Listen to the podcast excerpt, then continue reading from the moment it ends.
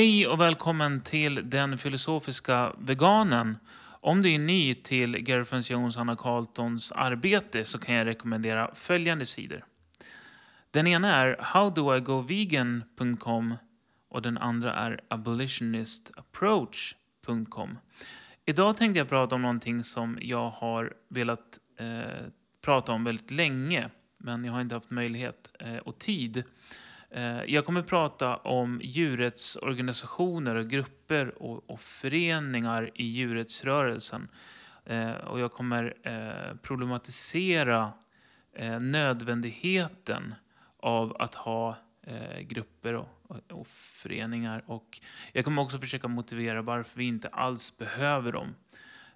Och att vi kan organisera en abolitionistisk gräsrotsrörelse där vi bor eh, genom att ha eh, bokbord och studiecirklar. Men jag kommer gå igenom och diskutera det lite senare i avsnittet.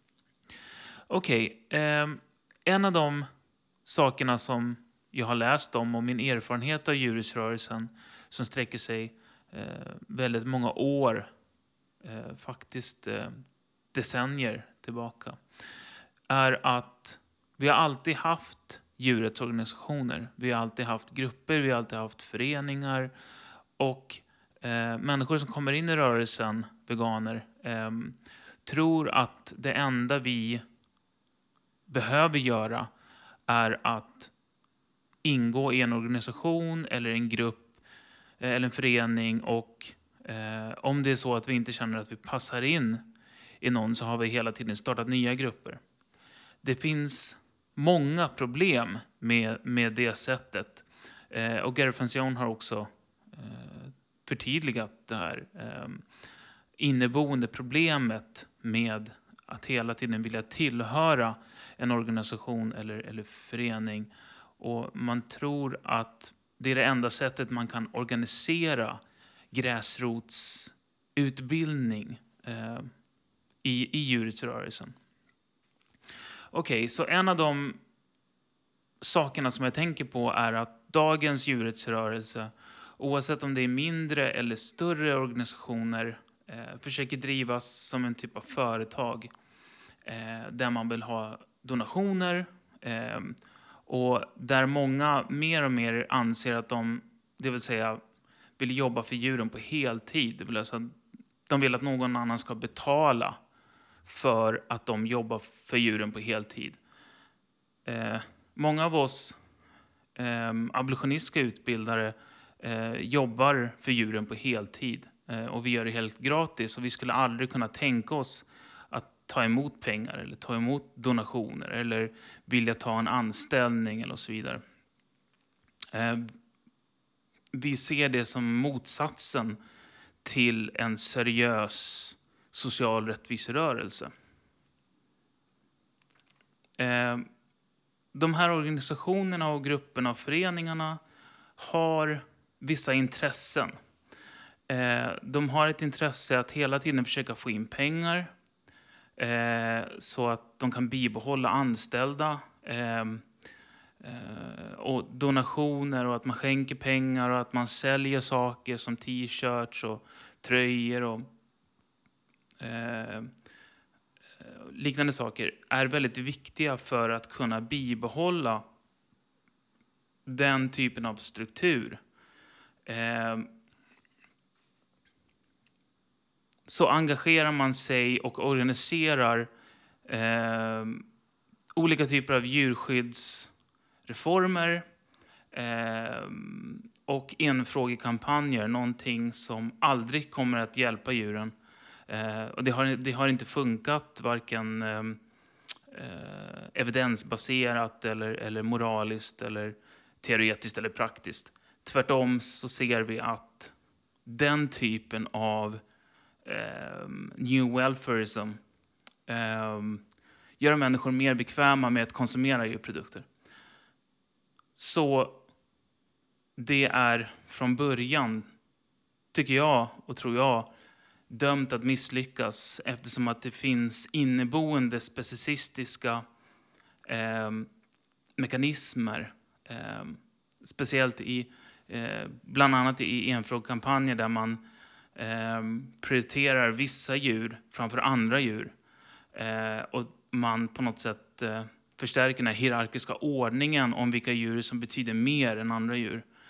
Eh, och man kan inte dra någon annan slutsats att de kampanjerna är inneboende specicistiska. Eh, djurskyddsreformer har jag pratat en hel del om eh, tidigare. Eh, och eh, de kampanjerna för eh, bättre behandling, vilket eh, inte alls är en bättre behandling av något slag eftersom att vi utnyttjar och dödar djur inom eh, det djurskyddssystem eller djurskyddslagstiftning. Eh, djurskyddsreformer ändrar inte djurens status som egendom. Eh, någonting. Och det har aldrig gjort det. I, i någon signifikant eh, större eh, förändring.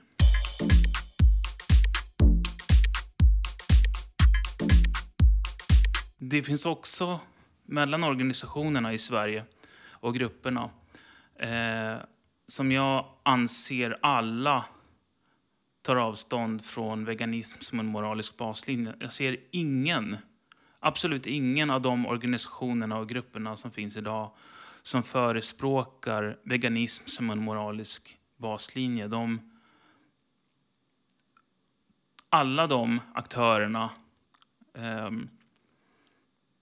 stödjer i någon form new welfareism.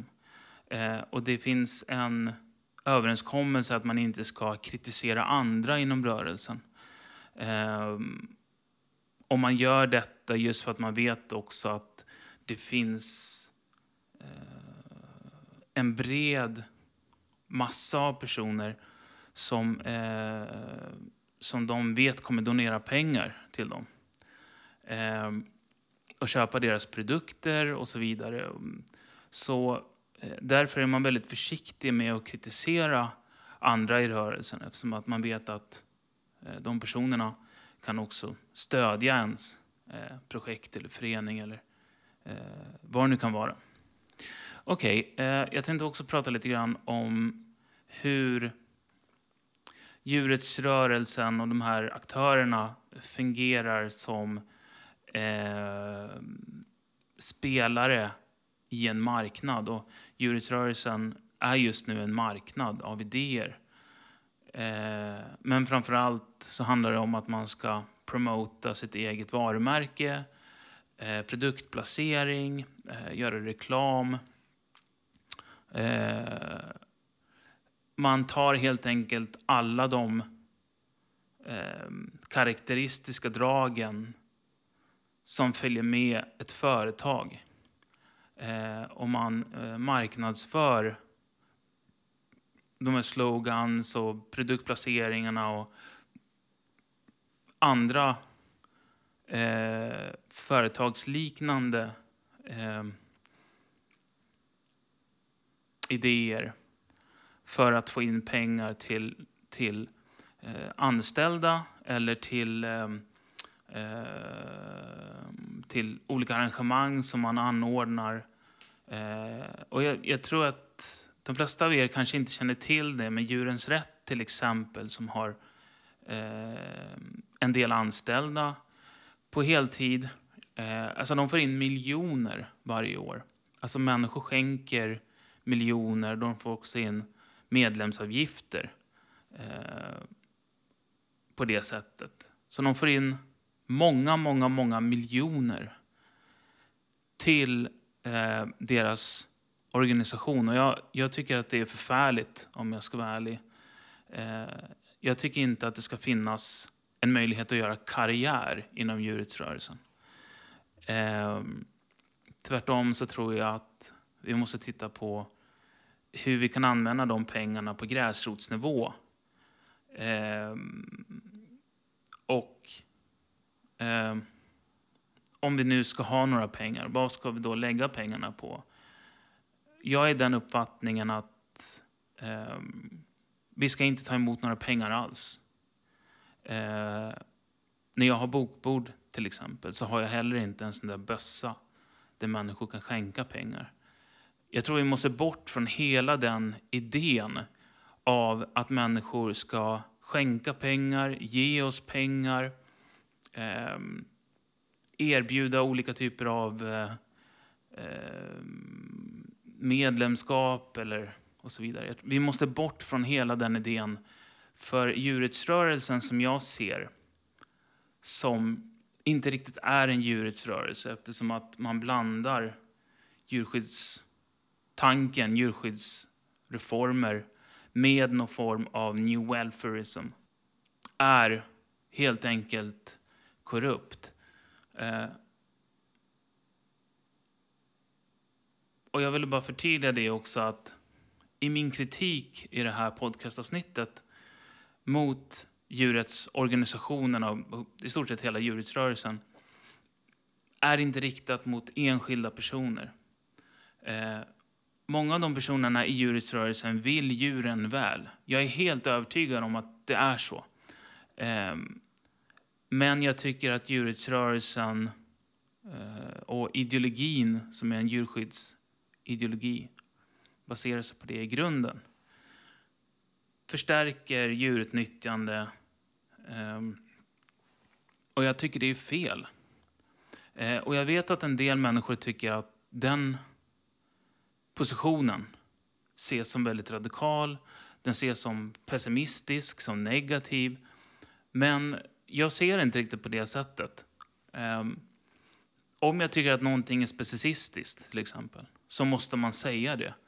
Uh, även om det är så att man får uh, mycket... Även om det är så att det finns många människor som kritiserar den uh, eh, och som, som tycker att man splittrar djurrättsrörelsen och så vidare. Så Eh, jag, jag tycker inte att det finns en djurrättsrörelse som förespråkar veganism som en moralisk baslinje. Så jag tycker inte att det finns någon splittring överhuvudtaget.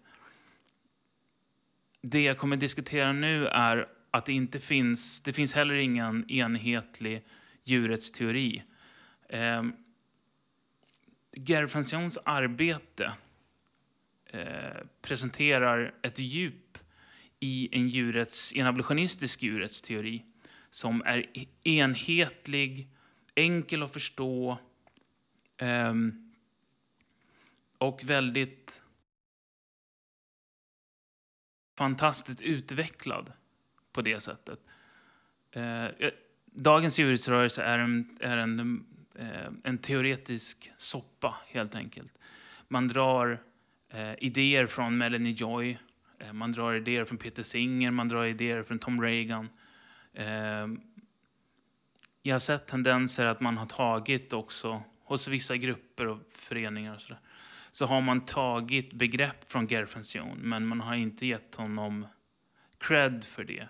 Så man har i stort sett tagit hans teori till viss del. Ehm, men det finns också eh, en tendens att kritisera honom eh, men ta hans idéer. Vilket... Eh, jag, jag, tycker det är felaktigt. Jag tycker inte att det är ärligt eh, på, på det sättet. Så det finns... Det finns en, en djup problematik att det inte finns en enhetlig djurrättsrörelse som ger normativ vägledning i moraliska beslut. Det finns ingen idé om eh, om en, för, en djupare förståelse av vad en rättighetsteori betyder.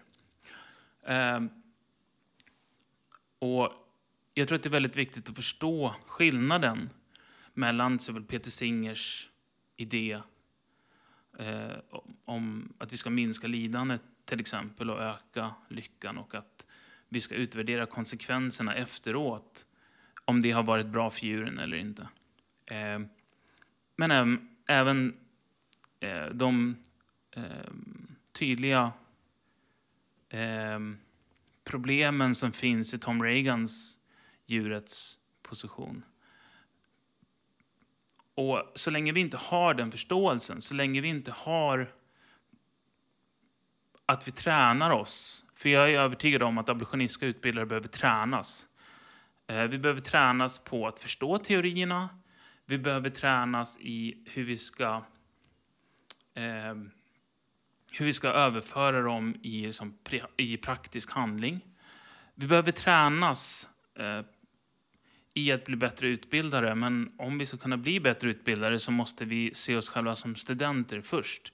Med en ödmjukhet att eh, lära sig mer av de personerna som, som har längre erfarenheter av, av abolitionistisk utbildning, eh, abolitionistisk veganism på, på gräsrotsnivå. Det som är fantastiskt med Gerfensions teori, det är att abolitionister kan organisera gräsrotsutbildning eh, där man bor utan att ha ett varumärke eller snygg logotyp eller eh, en, ett, liksom en maskineri runt hur vi ska få in pengar, sälja saker, eh, uppmana, människor att, uppma, uppmana människor att bli medlemmar eh, och så vidare. Att det går alldeles utmärkt att organisera sig själv på gräsrotsnivå utan organisationer, föreningar och så vidare. Um, uh, och vi kan göra det genom att ha studiecirklar till exempel. Vi kan göra det genom att ha bokbord. Vi kan göra det genom att uh, skriva insändare. Ehm, vi kan göra det genom att ehm, utbilda vänner, eh, släkt, eh, studiekamrater, arbetskamrater ehm, och, och vår familj. Det finns många sätt som vi kan göra det på där vi inte behöver pengar. Eh, och jag skulle nog också kunna säga att abolitionistisk veganism, abolitionistisk utbildning på gräsrotsnivå inte behöver speciellt mycket pengar. Eh, och många gånger behövs det inga pengar alls. Jag tror att vi måste komma ifrån hela den idén att vi behöver organisationerna och samtidigt att vi ska vara på något sätt tacksamma. Vi ska stå i skuld till organisationerna. Eh, många gånger har man hört, man kan läsa i sociala medier och sådär, att eh, ja, utan djurens rätt eller utan djurrättsalliansen så skulle jag inte bli vegan.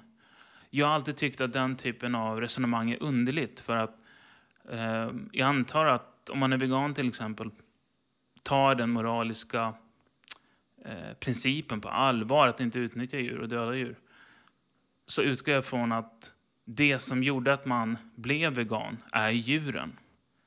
Eh, alltså det är första intresset. Det, det är det första man, man utgår ifrån på något sätt. Och inte de här eh, organisationerna. Så jag tycker att det skulle behövas en diskussion runt varför de här organisationerna överhuvudtaget finns. Vad har de för syfte? Eh, är det så att personerna inom djurrättsrörelsen känner att de behöver ha en viss status, eh, de behöver synas. Eh, och man kan endast göra det genom att tillhöra en organisation eller representera en organisation eller representera en förening eller ett projekt eller vad det nu kan vara för någonting och det är väldigt viktigt att eh, promota eh, företagen, vill säga.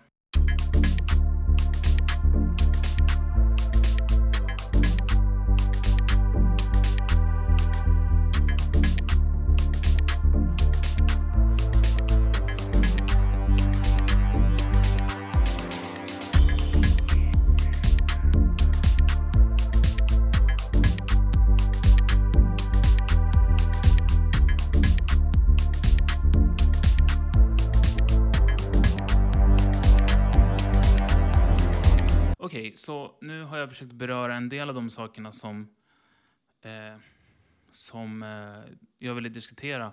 Eh, jag känner mig lite rostig när det handlar om att spela in ett nytt avsnitt, så förhoppningsvis så kommer det här avsnittet inte, eh, inte bli för tråkigt för er. Eh, och jag har försökt göra mitt bästa för att eh, göra det så intressant som möjligt. Eh, så jag tänkte avsluta nu i alla fall. Ehm, jag vill inte att det här avsnittet ska bli för långt heller. Ehm, så jag hoppas att ni fått ut någonting av det här avsnittet. Eh, om det har klargjort mer saker varför jag inte tycker att det behövs organisationer eller, eller djurets eh, föreningar eller vad, vad, projekt eller vad det nu kan vara för någonting. Eh, och det är fullt möjligt att organisera sig på gräsrotsnivå genom att ha studiecirklar, genom att ha bokbord. Eh, och vi kan göra det utifrån en, en enhetlig abolitionistisk djurrättslig eh, teori utvecklat av Gary och Anna Carlton. Okej, eh, tack så mycket för att ni lyssnade. Eh, och glöm inte, världen är vegan om du vill att den ska vara det.